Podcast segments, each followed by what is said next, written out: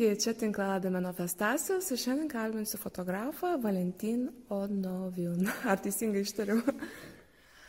Valentinai labai įdomu sutikti menininką, kuriantį Lietuvoje, nors jis nėra gimęs Lietuvoje, nes dažniausiai sunku tokių rasti.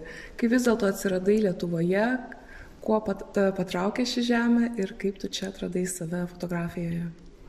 Buvo skirtingų priežasčių, bet e, jeigu mes kalbam apie mano meną, tai vienas iš priežasčių buvo, kad aš norėčiau studijuoti fotografiją kažkur užsienyje ir iš tikrųjų norėčiau važiuoti į Čekiją, studijuoti Prahoje, FAMU, bet e, taip pavyko, kad 2013 e, metais aš atvažiavau į Lietuvą pas savo draugus ir susitikau Nidoje, Nidas fotografijos seminarė su Alvidu Lūkiu, profesoriu iš Vilnius dailės akademijos. Mes susitikom po to Vilniuje po seminaro. Ir aš parodžiau savo portfolio, pasakiau, kad aš noriu įstoti uh, į bakalaurą, nu, kad kažkaip struktūruoti viską, ką žinau apie fotografiją, nes pas mane tokie, viską, ką žinau, buvo labai chaotiška taip galvoje. Ir jis pažiūrėjo portfolio ir pasiūlo įstoti tiesiai į magistrą ir praleisti bakalaurą. Ir va taip aš pradėjau savo kelią ir tada likčiau Lietuvoje. O fotografija iš karto atėjo tavo gyvenimą? Girdėjau, kad iš pradžių užsiemė ir grafiti mano. A, taip, dažniausiai legaliai dariau iš tikrųjų, nes grafiti žmonės žiūri kaip į nelegaliai kažkokią dalyką. A, mes daug piešėm Ukrainoje, bet po to po vėžį, nes kai aš buvau vaikas, aš turėjau vėžį ir po keturis metus, vat, maždaug fotografija man padėjo, nu, kaip susipažinti su pasauliu iš naujo. Tai buvo pro fotoaparatą. Bet tada aš paprastai fotografavau tokius dalykus, nu, kažkokią gamtą, kažkokius peizažus fotografavau, kai gyvenau kaime bet čia nebuvo labai profesionalu. Paskutinę dieną susitinkame tavo parodoje nusekli fiksacija. Gal gali papasakoti apie ją, kokie ciklai ją sudaro? Oi, daug ciklų čia pristatyta iš tikrųjų, nu, serijos. Aš prieš tai aš galvojau, kad aš darau projektus, bet po vėliau supratau, kad čia yra serijos ir dabar vat, galima matyti vieną projektą, kai sujungti tos serijos kartu. Čia pristatytas vienas iš žinomiausių mano uh, serijų projektų stebėjimas, kuriame užfiksuotas pasivaikščiojimo kiemelio ir kalėjimo durų akutės Estijoje, Latvijoje, Lietuvoje, Ukrainoje, Lenkijoje ir Vokietijoje. Čia buvusio KGB kalėjimai, Gestapo kalėjimai, nu, politiniai kalėjimai, jeigu paprastai pasakyti. Kitas, kita serija vadinasi Horizontai, irgi apie paslapčių kalėjimų ir tardymų vietų Lenkijoje. Bet ne visi iš tikrųjų mano serijos turi pavadinimus, tai visi kiti čia vat, irgi apie tą temą ir jie jau kaip prisidėjo prie tus tokius žinomiausius projektus ir dabar jie vat, pristatyti kaip vieną parodą. Nu, ap, iš tikrųjų apie septynių serijų pristatyta čia. Savo kūryboje labai jautriai prieini prie tokios kolektyvinių skaudulių, kolektyvinių traumų temos. Kaip atradai kalbėjimą apie tai? Aš nekalbu apie traumą, tai gal jūsų interpretacijos ar žiūrovų interpretacijos.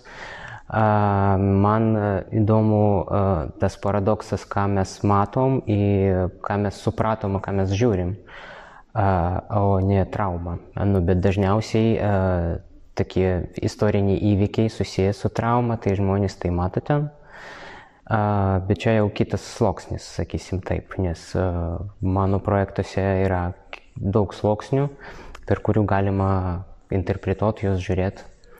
Uh, bet, vat, ne, atsiprašau, bet ne apie traumą dažniausiai. Mm -hmm. Bet ten gal ir yra, mm -hmm. nu, čia ne pagrindinis dalykas. Tai vis dėlto tu palieki daug vietos žiūrovo interpretacijai. Taip. Kaip atradai kalbėjimą per būtent abstrakčią formą, abstraktų įvaizdį? Kaip kito tavo fotografinis stilius? Nu, man patiko abstrakcija, bet aš e, kažkada supratau, kad abstrakcija irgi yra konkretiai, nes fotografavau kažkokius dalykus dar be konteksto, bet e, vis tiek tai fotografuoju, čia yra kažkokie realiai objektai. Ir nuotraukose jie atrodo abstrakti, nes aš tada supratau, kad nu, fotografija nereprezentuoja, nes tu negali atpažinti, ką tu matai. Ir fotografija turi savo realybę arba tą lauką interpretaciją, kurią galima užkoduoti ir per tą abstrakti, abstrakti vaizdą parodyti ir papasakoti daugiau. Tai aš pagalvojau, kad geriau fotografuoti kažkokius objektus konkrečius, kurie atrodo abstrakčiai. Ir tada per juos kažkaip perduoti tą idėją, nu, apie ką tai gali būti, kai dedant tą nuotrauką į kontekstą, tai tada tos konkretumas kaip ir atrandasi atgal. Nu ir va, ten yra tas žaidimas, kad be konteksto ar kontekste, kaip mes supratom, ką mes matėm. A, tu sėki aukštumų ne tik savo kūrybinėje veikloje, bet ir moksluose. A, skaičiau, kad studijų metu labai daug radai Lietuvos ir Ukrainos fotografų sąveikos pėdsakų. Gal gali papasakoti apie tai?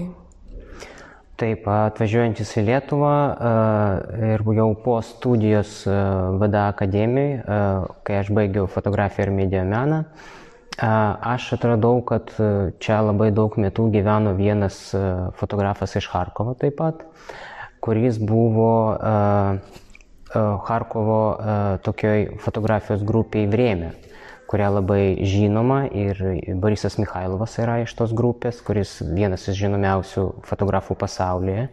Ir vad kaip įdomu, kad jo draugas gyveno Lietuvoje, bet niekas apie tai maždaug nežinojo. Tai fotografai gal bendrauja su juo, jis buvo su Lutskum labai geras draugas, po to jie bendravo su Tatjana Lutskienė iki Tatjanos išvažiavimo. Ir aš sužinojau iš kelių fotografų, kad jie žinojo, kad vairavo toks ukrainietis, bet nei vienas menotyrininkas neparašė apie tai. Ir aš supratau, kad yra tokia istorija oficialiai, kurią galima tyrinėti jau iš kitų kažkokių šaltinių, iš archyvų, visi žino, kad Sutkus, Kunčius ir visi kiti, bet kas buvo aplink tų žinomiausių fotografų. Ir po to atradau, kad su Lutskum dirbo Konstantin Kastiuk, pavadinimu Kastiukas, tai jis irgi niekur maždaug nepaminėtas, tik vienai knygai Būtvičio, man atrodo, knygoje yra nuotrauka, kur jis yra kartu su kitais Lietuvos fotografais. Ir v Lietuvos fotosąjungos archyve yra pora nuotraukų, kurių jis padarė. Ir viskas. Tai aš pagalvoju, kad būtų labai įdomu vat, surasti daugiau tokių sąveikų, kad ukrainiečiai atvažiavo į Lietuvą arba Latvija atvažiavo dažnai į Lietuvą, į Vilnių, nes čia buvo labai geras knygų, fotografijos knygų archyvas paprastai žiūrėti tų knygų. Po to sužinojau, kad vat, Valerij Lobko, vienas iš žinomiausių Baltarusijos fotografų, yra ukrainietis iš, iš Lvovo. Po to Vital Tromer, Lenkas, kuris gyveno Lvove, padarė tokią naują sistemą Izohelija technika, fotografijos technika ir po to ta technika buvo naudodama ir Lietuvoje, ir Latvijoje, ir visam pasaulyje. Tai va tokie atradimai buvo man įdomi sujungti ir suprasti va tą bendrą lauką, nekalbant tik apie Lietuvos fotografiją kaip fenomeną, Harkovo fotografiją kaip fenomenas, per daug fenomenų. Tai man va įdomu, kas tarp jų. Man labai buvo įdomu skaityti ir tavo kritikos straipsnį, 7 meno dienose rašy straipsnį uh, ukrainiečių įniršis Klaipėdoje apie irgi fotografijos šventę įvykusią prieš keletą metų. Ir ten ganėtinai kritiškai vertinai kolegų iš Ukrainos kūrinius, išvelgiai, kad daug temų jau yra praėjusių Lietuvoje 90-aisiais. Kaip tau pačiam atrodo palyginus Ukrainos fotografiją dabar su Lietuvos fotografija, ar kuriejams yra daugiau laisvės ir kokios tendencijos? Kokias tendencijas dabar Ukrainoje aš nelabai ten tyrinėjau ir stebu, bet uh, vis tiek tai aišku, kad uh, idea, flow of ideas tai atėjo iš vieno šalį į kitą, buvo transformuoti, tai yra normaliai. Čia vat irgi susijęs su mano uh, disertacija apie tos sąveikas. Uh, ir uh, aišku, kad dabar Ukraina kažkokiam momente, uh, kad vat, kartuoja, kas jau praėjo Lietuvoje. Taip, jeigu kalbėt ne tik apie fotografiją, bet apie istorinius įvykius, taip. A, ir vat, Ukraina dabar tam kelyje ir aišku, kad ir viskas yra aplink to. Ir fotografija tokia, kuria jau buvo Lietuvoje, nes Lietuvoje šitie istoriniai įvykiai jau praėjo. Tai nėra blogai, nėra gerai, bet jie daro tai kitaip.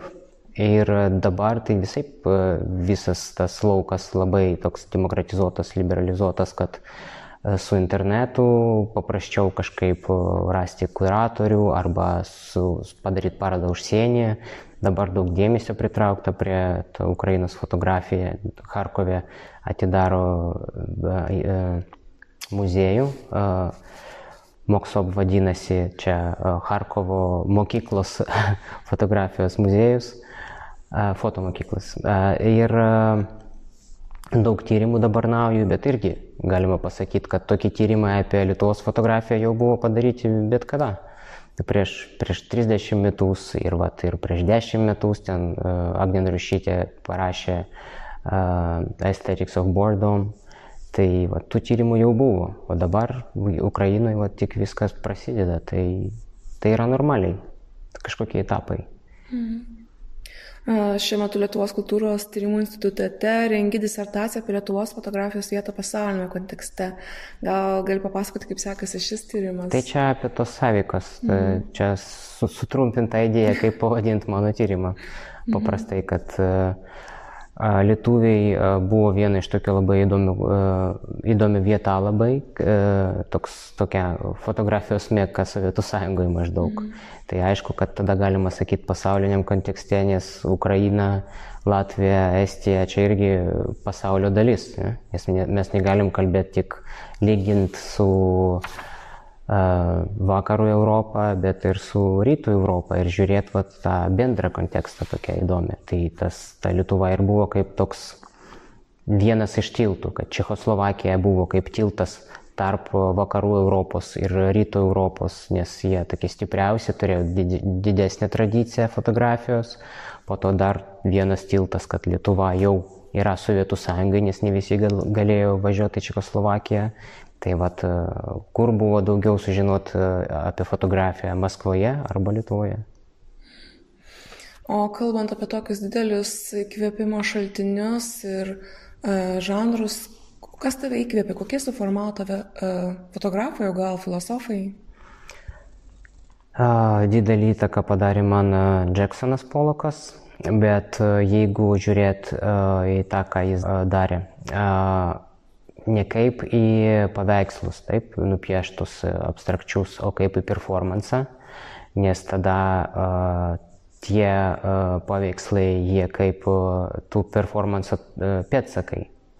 Ir uh, tam vat yra toks įdomumas, nes galima kaip ir kaip per kriminalistiką žiūrėti tada į tos pėtsakus.